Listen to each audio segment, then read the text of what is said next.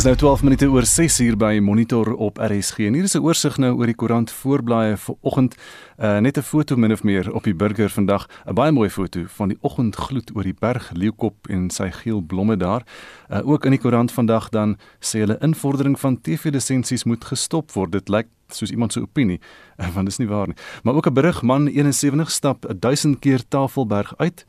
En dan die groot berig vandag in die koerante die polisie krisis uh so erg hulle kan nie misdaad beveg en dis dan ook op beeld vanoggend swak SAPD magteloos teen magteloos teen boewe LPS hoor oor krisis slegte besteding hou ook nie op nie uh, lede nie meer behoorlik opgelei selfs 'n tekort aan uniforms vir die polisie en al die besonderhede dan daar in die hoofberig vandag. Volksblad se digitale voorblad so is Siemens vermoor videomateriaal in hof gewys, vat foon en maak seker hy is dood en is steeds al daardie besonderhede wat nou so in die hofsaak in die Vrystaatse Hooggeregshof uitkom oor die hoë profiel uh, sakeman moord op Louis Siemens daar van die stad. Internasionaal op bbc.com Amerika is terug en so sê Joe Biden soos wat hy nou sy span onthul dit nadat die oorgang na sy span en sy administrasie nou amptelik kon begin. En ook die inperking in Frankryk word verslap nadat die tweede vlaag van die koronavirus verby uh, verbygaan en verby beweeg. En dis dan vinnige oorsig oor vanoggend se nuus. En terug in Suid-Afrika, die matriekeksamen staan stadig aan einde se kant toe en baie skoolverlaters wonder wat hulle volgende jaar gaan doen. Sommige gaan werk soek, ander gaan verder leer, maar daar's ook 'n opsie om 'n ambag te leer. Laat ons vir, weet vanoggend watter interessante loopbaankeuses is daar vir jou.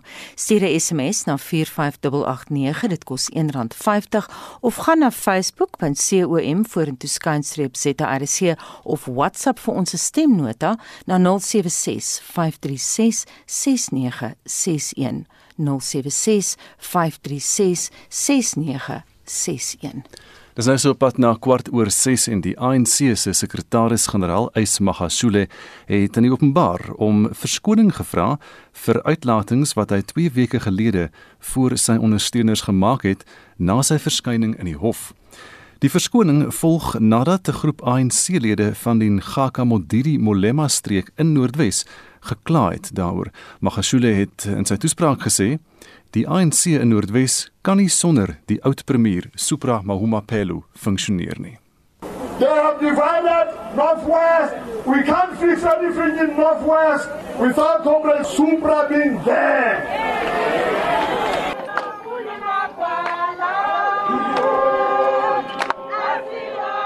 Dit is die aanmerking wat die ANC-lede in Noordwes kwaad gemaak het. Hulle sê hierdie soort uitlatings vererger die verdeeldheid in die party. Die lede het die ANC se bestuur tydens hulle besoek aan Mahikeng hierdie week gevra om in te gryp. Hulle het geëis dat Magashule die uitlating terugtrek. Die party se nasionale bestuurskomitee het die provinsie besoek om probleme in die aanloop tot die tak, streek en provinsiale konferensies uit te stryk. 'n lid van die Ramochere Moila tak. Daina Pule het 'n memorandum voorgeles. We therefore call upon the NEC and NWC to urgently call upon the Secretary General, Comrade Ace Mahashule, to retract the statement made in Bloemfontein after his appearance in court while addressing those who went to support him that the ANC in the Northwest can only function on the basis of the presence of Comrade Supra Mahuma Pelo. His statement is wrong as it creates that an individual is bigger than ANC. It has a potential to create division and can impact negatively on the organization. Magashule het 'n verskoning aangebied toe hy 'n petisie van die party se nasionale leiers gekry het. No individual can be above uh, a structure. So if I said Supra is above, uh, it's the wrong thing, uh, which I might have said. The IPC, the regional structures, the branches, those collectives are the most important, including the branch members of the African National Congress. So my apologies for having said anything which elevates an individual more than a collective. Lede van die party het ook gevra dat die nasionale leiers die volle bevoegdhede van die tussentydse provinsiale komitee bevestig. Hierdie bydrae van Patrick Dintwa in Mahikeng. Ek is Vincent Mufokeng vir SAIK nuus. Wits Universiteit sê hy is opgewonde oor die jongste tussentydse uitslae van toetse vir die Oxford COVID-19-enstof. Wanneer die data van twee toetse gekombineer word, dui dit daarop dat die enstof 70,4% doeltreffend is in die VK en Brasilië. Marlenae Forsie het meer besonderhede. Dr Lee Feli wat betrokke is by witse toetse in Suid-Afrika sê die studie toon dat diegene wat aanvanklik 'n kleiner dosis van die inenting ontvang, meer weerstand teen die virus bied. In the one part of the study where they looked at giving a half first dose and then a, a kind of full standard second dose, the efficacy was was 90%, but where both arms of the vaccine got the same full dose, it was 62%.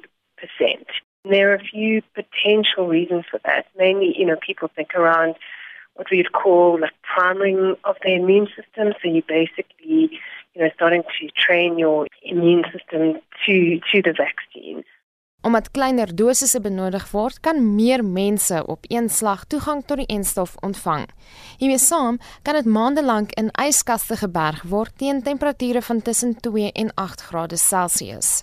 It's really a substantial advantage over some of the other vaccines where they require freezing conditions prior to use and obviously that can be quite restrictive in many environments, particularly in low middle income countries where you just may struggle with storage, maintaining cold chain, you know, transport, those kind of things compared to a vaccine where it can actually safely be stored in the fridge. I think also cost wise, and um, this vaccine probably around five dollars a dose.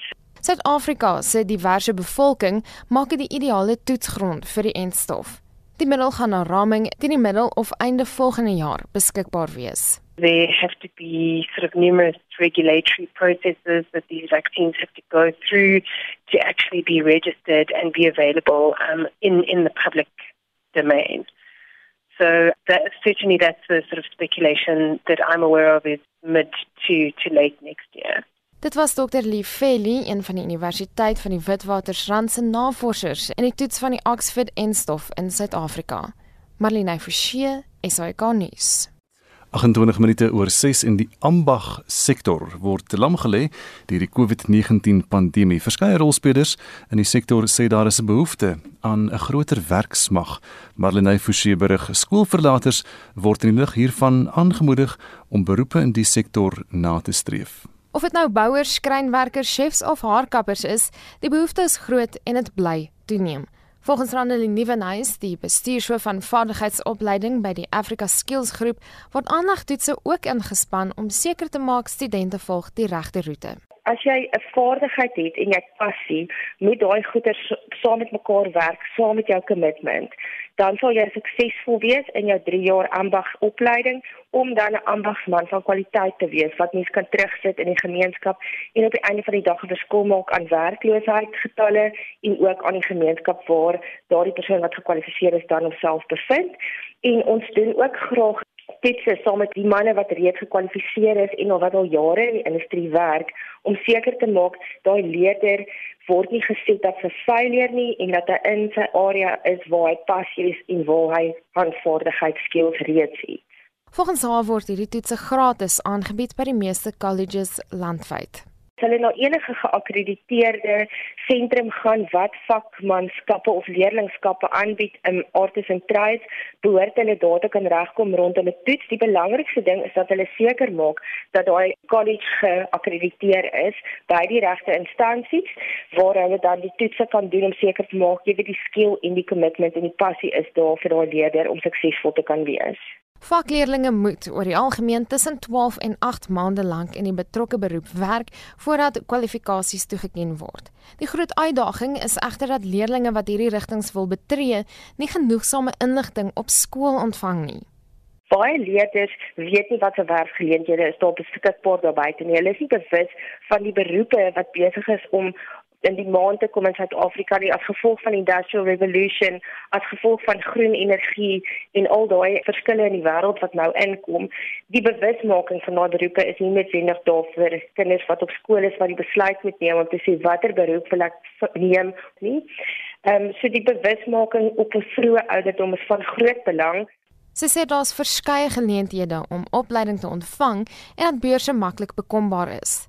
Alles begin egter op skoolvlak. Dat is dat ons opleidingsentrum hier in George het ons in die informal settlement positioneer. Die rede juist daarvoor is om beskikbaar te wees vir die gemeenskap sodat hulle sien ons is daar en ons het fietssoldate wat ons gereeld uitstuur in die gemeenskap in om bewusmaking uit te gee sodat hulle weet hier is geleentheid vir opleiding indien daar 'n beurs kom wat nie noodwendig altyd gebeur nie, dan is dit beskikbaar. Hulle werk ook saam met 'n maatskappy wat leerders help om lenings te bekom indien die bank dit nie noodwendig aan hulle kan toestaan nie met baie goeie rentekoerse sodat hulle nog steeds kan studeer.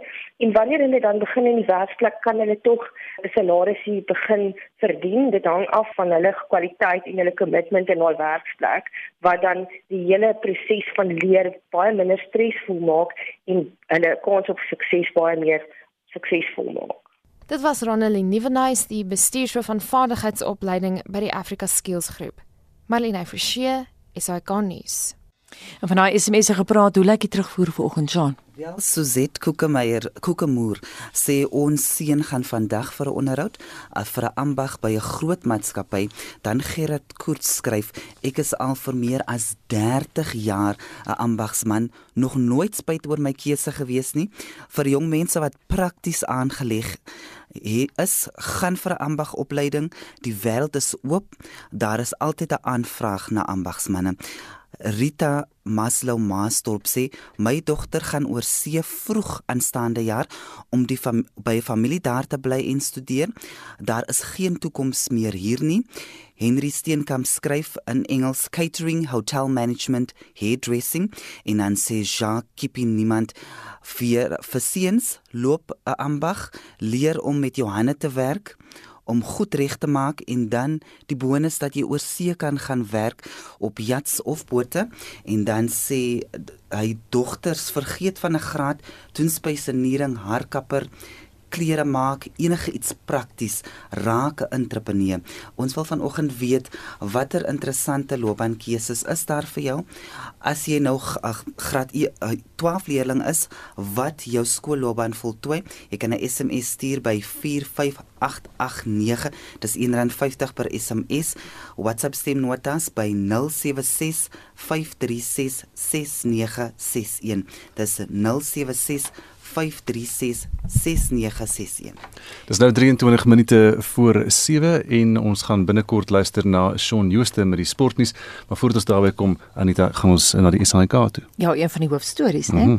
SAIK het 'n kruispunt bereik met die publikasie van die wetskrif oor audio en audiovisuele dienste.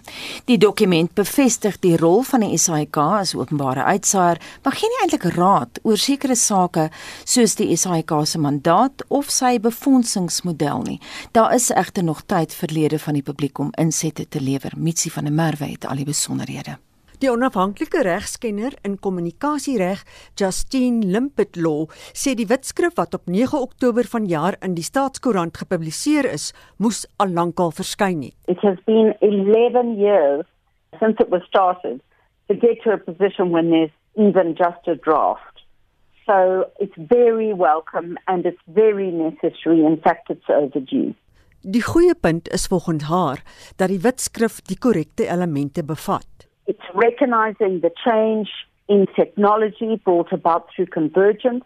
It's recognizing the threats and the opportunities of the streaming services and the online space and what that means for the entire audiovisual sector and it's looking to integrate a regulatory approach in respect of both broadcasting and the online space. Mm. So I think that that's very important and welcome. Maar Limpert Law sê die kwessies vir die voorgestelde beleid is baie vaag. They leave the difficulties of regulating these different kinds of platforms. They far too many instances where they leave the actual detail of what the policy will be to some future document to be fleshed out by an interministerial committee. And I think that just doesn't work. You can't release a draft policy that says the policy will be what we come up with as a result of an interministerial policy at some future time. Die wet se naam wat die SAIK bestuur sal volgens die konsep uitsaai wet na die Suid-Afrikaanse uitsaai korporasie wet verander word en sal net op die SAIK van toepassing wees. Maar die inhoud oor die SAIK beleid is volgens Limpet Law baie kort. They just haven't fleshed out the proposals sufficiently. But what they do say are things that I and many others have been calling for for a long time. And just on this, one of the roles that I play in civil society is that I'm on the board of Media Monitoring Africa, and I also chair the legal subcommittee of the SOS campaign, which I think is the leading NGO that looks at sustainability of the public broadcaster. Die nie-regeringsorganisasies sê reeds vir 'n geruime tyd dat die befondsingsmodel van die SAIK onvolhoubaar is. You cannot have a complex and um onerous public mandate which the SABC has as is proper frankly in a country with 11 official languages and have 2% direct government funding and between 16 and 80% TV license support. Because the effect of that is that essentially you have a commercial broadcasting model substantially through advertising, yet you're required to meet justifiably onerous public mandate requirements.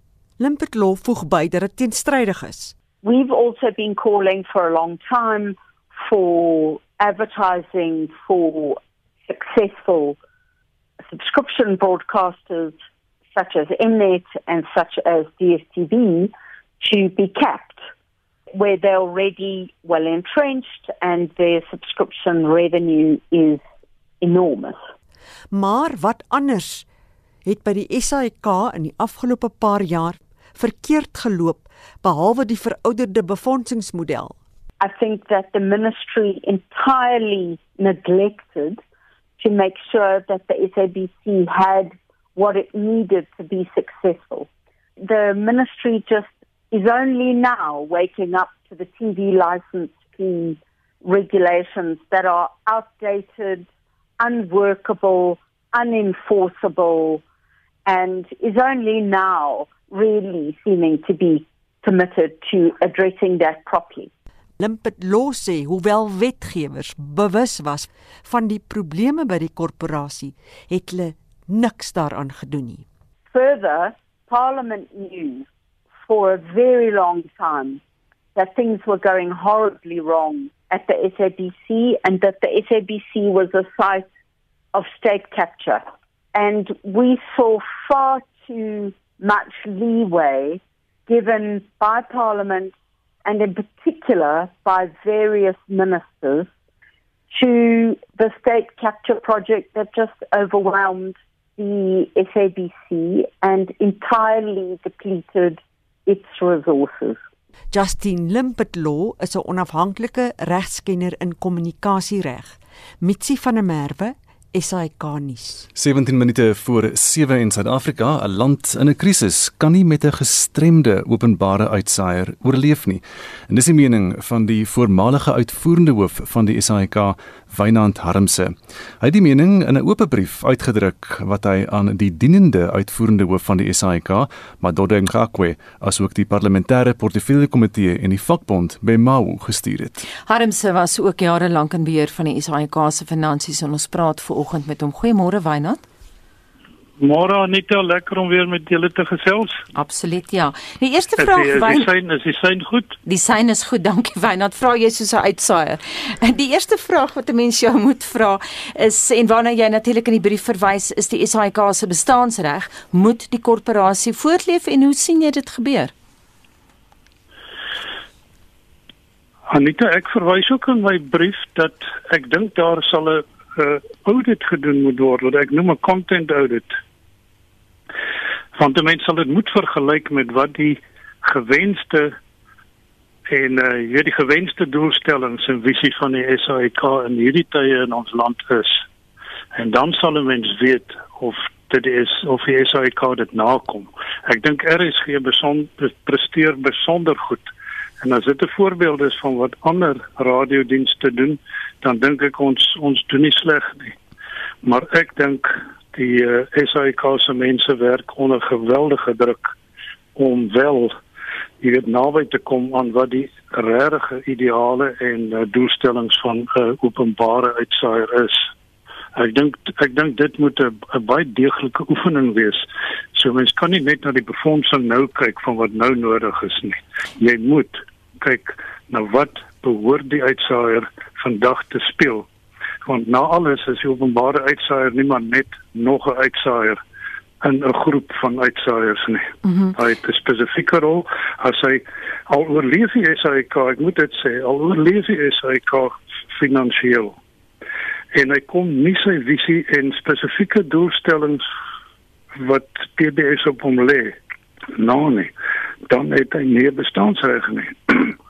so so right of existence is spesifiek iets van 'n gekyk moet word. Mhm. Mm jy sien nou tereg Wynand dat mense werk onder groot druk. Ek onthou jare gelede, die laat 80ers jare, daar was al seker omtrent 'n span van 30 mense wat bydraes gelewer het vir monitor. Ek dink die span nou strek omtrent 7 of 8. So daar's baie minder mense, maar die ligtyd het nie verminder nie. Ja, nee. dit is so en ek dink dit gaan nie net oor oor ligtheid, jy weet kwantiteit nie, maar dit gaan ook oor kwaliteit. En kwaliteit bedoel hier diepte waarin 'n mens kan ingaan op sake. Jy weet Papa Green die huidige het uh, persombudsman mm. het kort na haar aanstelling gesê het dat het sy verwys na dat die grootste ramp van die media in Suid-Afrika getref het is die soos hy dit genoem het dink ek die destruction of the SABC. En uh het hierdie hele saak van wat die SAK behoort te doen. Dink ek kan nie net lê by weet by 'n klein groepie mense, 'n raad of 'n bestuur nie.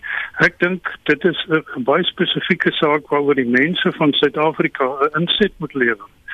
Kobus Bester het nou eendag 'n artikel verwys na ons korteindelike Kodessa wat uitsaai betref. Ons moet oor hierdie ding praat en as jy nou kyk na grondonteiening en hoe insette kon lei tot 'n baie meer bevredigende uh jy het kon sy eindproduk dan dan is dit net nodig dat ons hieroor praat.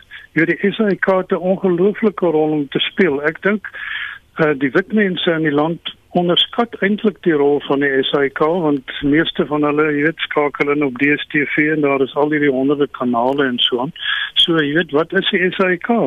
Maar aan die einde van die dag is die SAIK vir meer as die helfte van hierdie mense van die mense van ons land die hoofbron van inligting, van vermaak, van opvoeding, alles. En dan moet mense kyk na die leeskultuur in ons land. Jy weet onder 'n groot groep en 'n segment van ons mense is bestaan daar nie leeskultuur nie. En die SAIK is die enigste een En onthou, hy sê in al die taal, mense se tale uit, dis die enigste medium wat dit doen. Daar is soveel dinge in die guns en wat die SAIK op die tafel het om 'n bydrae tot hierdie land te maak wat soos ons sê 'n land in krisis is. Uh, Wynand kan so openbare uitsaaier in hierdie tyd en daar waar ons leef nog voortbestaan in in die, in die sin van jy het nou verwys daarna baie van die kykers en luisteraars wat in die 80s en 90s die SAIK gebruik het, of televisie gekyk het, radio geluister het, is weg. Hulle is of weg na DStv toe of na Netflix en stroming toe of digitale dienste en so aan. Hulle wil nie meer TV lisensies betaal nie. Hulle luister dalk nog RSG, maar dis net een van al die dienste van die SAIK wat hulle gebruik. Is daar 'n verandering in die manier hoe mense inhoud gebruik dan? Het ja nee, Gustav, jy dit is soos jy sê mense baie en ek dink dit is 'n deel van die tegnologie, né? Hmm. En en ek dink daarom is strategiese denke en bestuur so belangrik. Ek in my boek wat ek geskryf het, het ek gesê dat my hoofstuk oor bestuur is eintlik baie belangrik. Want jy weet dit is een ding om op, om 'n plek operasioneel te bestuur, maar is 'n tweede ding om strategies te bestuur. As daai element ontbreek, gaan jy in hierdie nuwe wêreld en die ontwikkelinge op tegnologie gebied, dan gaan jy die bus uitval. So dit wat jy nou noem is is verskriklik belangrik. Jy moet kyk hoe kan jy mense terugwen en met watter soort programme. Hmm. En en dit dit kort natuurlik kreatiwiteit. Ja. Maar kreatiwiteit verg ook fondse en daarom is die befondsingsmodel wat my aanbetref, jy weet hy is heeltemal ontoepaslik en um, ek verwys in my oop brief na na twee kon sê ek het twee aanhalinge van van uh, hoe akademici Ja. wat reeds 'n paar jaar terug gesê het hoe die openbare uitsaaier moet waak daarteen om nie net een van die uitsaaiers te word nie, om nie net mee te ding om maksimum getalle nie. Maar ek kan jou sê as ons in hierdie land op 'n kreatiewe manier programme kan maak ook op televisie. So sê net maar interkulturele werkswinkels, né, nee? want ons ken mekaar nie in hierdie land. Nie is een van die redes waarom daar soveel disrespek is en hmm. ons soveel rasisme is. Wynand, Dat ons mekaar mekaar leer ken. Wynand, ons moet prakties ook wees. Jy het nou verwys na befondsing, hoe belangrik dit is en jou idees daaroor. Jare gelede ja. het ons met die BBC se hoof hier in Monitor se ateljee 'n onderhoud daaroor gevoer, maar wat is jou idees? Kyk 'n mens na reklame, TV-lisensies, staatsgeld. Hoe sien jy die pad vorentoe in terme van befondsing? Anita ek is natuurlik een van die mense wat sê weet met staatsbefondsing 'n subsidie moet jy so ver as moontlik vermy. Want jy weet die een wie se brood jy eet, jy volg maar daai en daai. So daar moet nie van daai kant af druk wees nie. Ek dink 'n mens moet uitkom by formules en so meer. Nou die SAIK is onthou dwars deur die wêreld is lisensies behalwe die enkele gevalle waar die staat die finansiering doen. Maar lisensies is die hoofbron van inkomste. Soos by die BBC is dit sekerlik meer as 80 na 90% toe. Maar jy weet ons in Brittanje het dieselfde getalle bevolkingsgewys. Hulle het 23 miljoen lisensiehouers. Ons het 3 miljoen. Nou wat sê dit vir jou? Uh direkte vergelyking is nou nie heeltemal moontlik nie en ek kan nie daarop uitwy nou nie. Maar jy weet dit is 'n reuse verskil. Die lisensie geld en het ons oor al die jare so goedkoop gehou om dit sogenaamd bekostigbaar te hou. Maar die 75% van die mense betaal in elk geval nie. So waarvoor doen jy dit? So my ek dink lisensiegeld moet 'n baie groter rol speel as die 15% op die oomblik. So verhoog die lisensiegeld drasties, nie 30 of 40% nie, viervoudig. En dan is dit nog die helfte van wat dit behoort te wees as jy dit vergelyk met ander. En dalk nog goedkoper as jou DStv. Ja, en dan die res van die mense stel jy amptelik vry. Dis soos wat jy 'n sekere hoeveelheid water vir mense gee of behuising hmm. of sulke goed wat jy gee en die staat moet daarvoor instaan. Jy kan baie maklike som maak wat roof wat wat die roofkyk syfer is hmm. as jy nou nie die lisensie geld so erg verhoog nie. En ek dink by ons dan is dit baie jy, op hierdie stadium. Dan, ja. Ja, dan ja, dan bepaal jy wat is die roofkyk syfer. En die regering want dis nie die SAIK se skuld of sy swak invorderingsmetodes nie. Dis deel van 'n sosiale probleem. Mm. Maatskaplik sosiale probleem en van om vir goed te betaal. So die regering kan dan net daarvoor instaan. En jy kan dit bereken in 'n so formule en dit kom nie neer op 'n so, subsidie wat hy vir jou gee mm. en sê ek hou jou eintlik aan die gang nie. Mm. Ehm um, ja, daar is verskeie metodes wat en ken ek het goed hoe ek dit sou doen is, is ek nou uh, jy weet die sê gehad het maar maar dit is 'n probleem want onthou nou ons kan sê nou reklame reklame speel 'n groot rol hy speel meer as 80% ja. van die inkomste maar jy kan reklame eintlik net invorder in in piektye. Dis mos waar die mense dan nou luister of of um, of kyk. Veral in die geval van televisie is dit baie spesifieke piektye. En wat vind ons daar? kyk maar hoe kyk net dit ook doen as 'n kommersiële uitsaai. 6 tot 9 CP's behalwe vir die halfuur harde nuusbulletin, maar dit is wat jy moet wat jy moet kommersieel doen as jy wil dan kompeteer vir getalle. Anders mis jy uit op die reklame of 'n groot deel daarvan en jou jy weet jou winslyn, jou bottom line lê daaronder en dan sê hulle o o o maar intussen as jy dit doen kom jy nie jou visie nou nie en hmm. dis die probleem. Wynand baie dankie. Dit klink asof jy hier op die 28ste vloer moet kom sit om die tafel en 'n bietjie met hulle gesels daarbo. Daarbo in die wolke soos ons altyd sê. Dit was dan eh, die voormalige groep uitvoerende hoof van die SAIK, Wynand Harmse. En nou beweeg ons na die sport. Hier is Shaun Jooste. Ons begin met cricketnuus. Na dag 2 van die plaaslike 4-dagreeks se derde ronde staan die Cape Cobras op 71 vir 1 in hulle eerste beurt in antwoord op die Dolphins se eerste beurtelling van 389. Die Knights het die dag op 111 vir 1 in hulle tweede beurt teen die Lions geëindig en het 'n voorsprong van 209 lopies. En die Warriors staan op 319 vir 6 in hulle eerste beurt teen die Titans en het 'n agterstand van net 1 lopie. Die halfeindstryde van die vroue Big Bash League in Australië het aangebreek. Die Melbourne Stars en Perth Scorchers pak mekaar vanoggend kort na 10. Die Protea speler Mignon de Pre kan vir die Stars uitdraf. Sokker Marokko Swallows het gisteraand se plaaslike Premier Liga wedstryd teen Kaizer Chiefs met 1-0 gewen en is nou bo aan die punteleer op 11 punte. In die Kampioenligga het Barcelona vir Dynamo Kiev met 4-0, Manchester United vir Istanbul Basaksehir met 4-1 en Borussia Dortmund vir Club Brugge met 3-0 afgeronsel. Lazio het 3-1 teen Zenit St Petersburg, Chelsea 2-1 teen Rennes en Paris Saint-Germain 1-0 teen RB Leipzig geseëvier om net 'n paar te noem. Netbal. Die Protea afrigter Dorrit Badenhorst het 'n groep van 15 spelers vir die opkomende toetsreeks teen die Malawi Queens aangekondig. Bekende name soos Lenise Potgieter, Ine Marie Venter, Izet Griesel en Kanisa Jawane is in die groep ingesluit. Pongium Somi sal die span aanvoer. Die Proteas het 20 van hulle 33 toetse tot dusver teen Malawi gewen en 12 verloor. Die reeks van 3 toetse begin môre aand om 7 uur by die Sun City Super Bowl. En laastens in atletieknuus. Die Diamantliga reeks se 2021 kalender is gister bekend gemaak en bestaan uit 14 byeenkomste. Die seisoen begin op 23 Mei in Marokko en eindig op 8 en 9 September in Switserland. Na die Londen Been op 13 Julie is daar 'n breek vir die Olimpiese spele wat op 23 Julie in Tokio begin en die seisoen word weer op 14 Augustus in China hervat. Shaun Schuster, SAK Sport.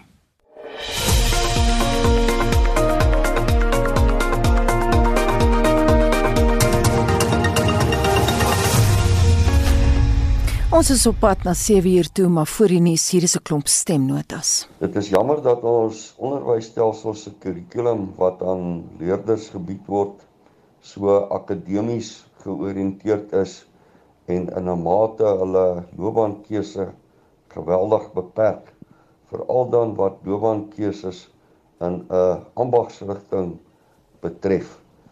John van Alberton Patrick hier van van der Byl. Ja, as ek nou 'n matriek was, sou ek dalk 'n ambag geloop het, maar nou ja, is nou nie meer matriek nie, klaar geskrywe lank terug. Ja, nee, maar nou is my kanse verby. Nou is ek maar sekuriteitswag. Ek dink die belangrikste deel van enige mens se lewe as jy jonk is, is om vir jou 'n doelwit te stel en daarvolgens te werk. Daarom voel ek dat skole moet meer klem lê deur kinders te lei en op te lei om vir hulle doelwit te stel in die lewe om iewers te kom. Dit sal ook dan maak dat die keuses baie makliker gaan wees wat se loopbaan jy wil vat of wat se loopbaan jy op besluit. Dis Jopie van Vryheid. Nee, ek wil glo glad nie niemand afraai om nie 'n graad of 'n diploma te gaan studeer nie, maar uh, as jy tegnies aangelê is, oorweeg dit baie sterk om 'n ambag te loop. Uh, gaan na Olifantsfontein, doen jou vakleerlingskap klaar en uh, bekwam jou as 'n vak uh, as 'n ambagsman. Kry die rooi seël en daar sal altyd vir jou werk wees. Goed breek en mense moet herstel. En uh, dit is 'n tendens en 'n baie sekure tendens in ons land. Nee, regtig daar is 'n baie groot vooruitsigte vir mense met tegniese aanlegte. En daai positiewe noot bring ons by die 7 nuus.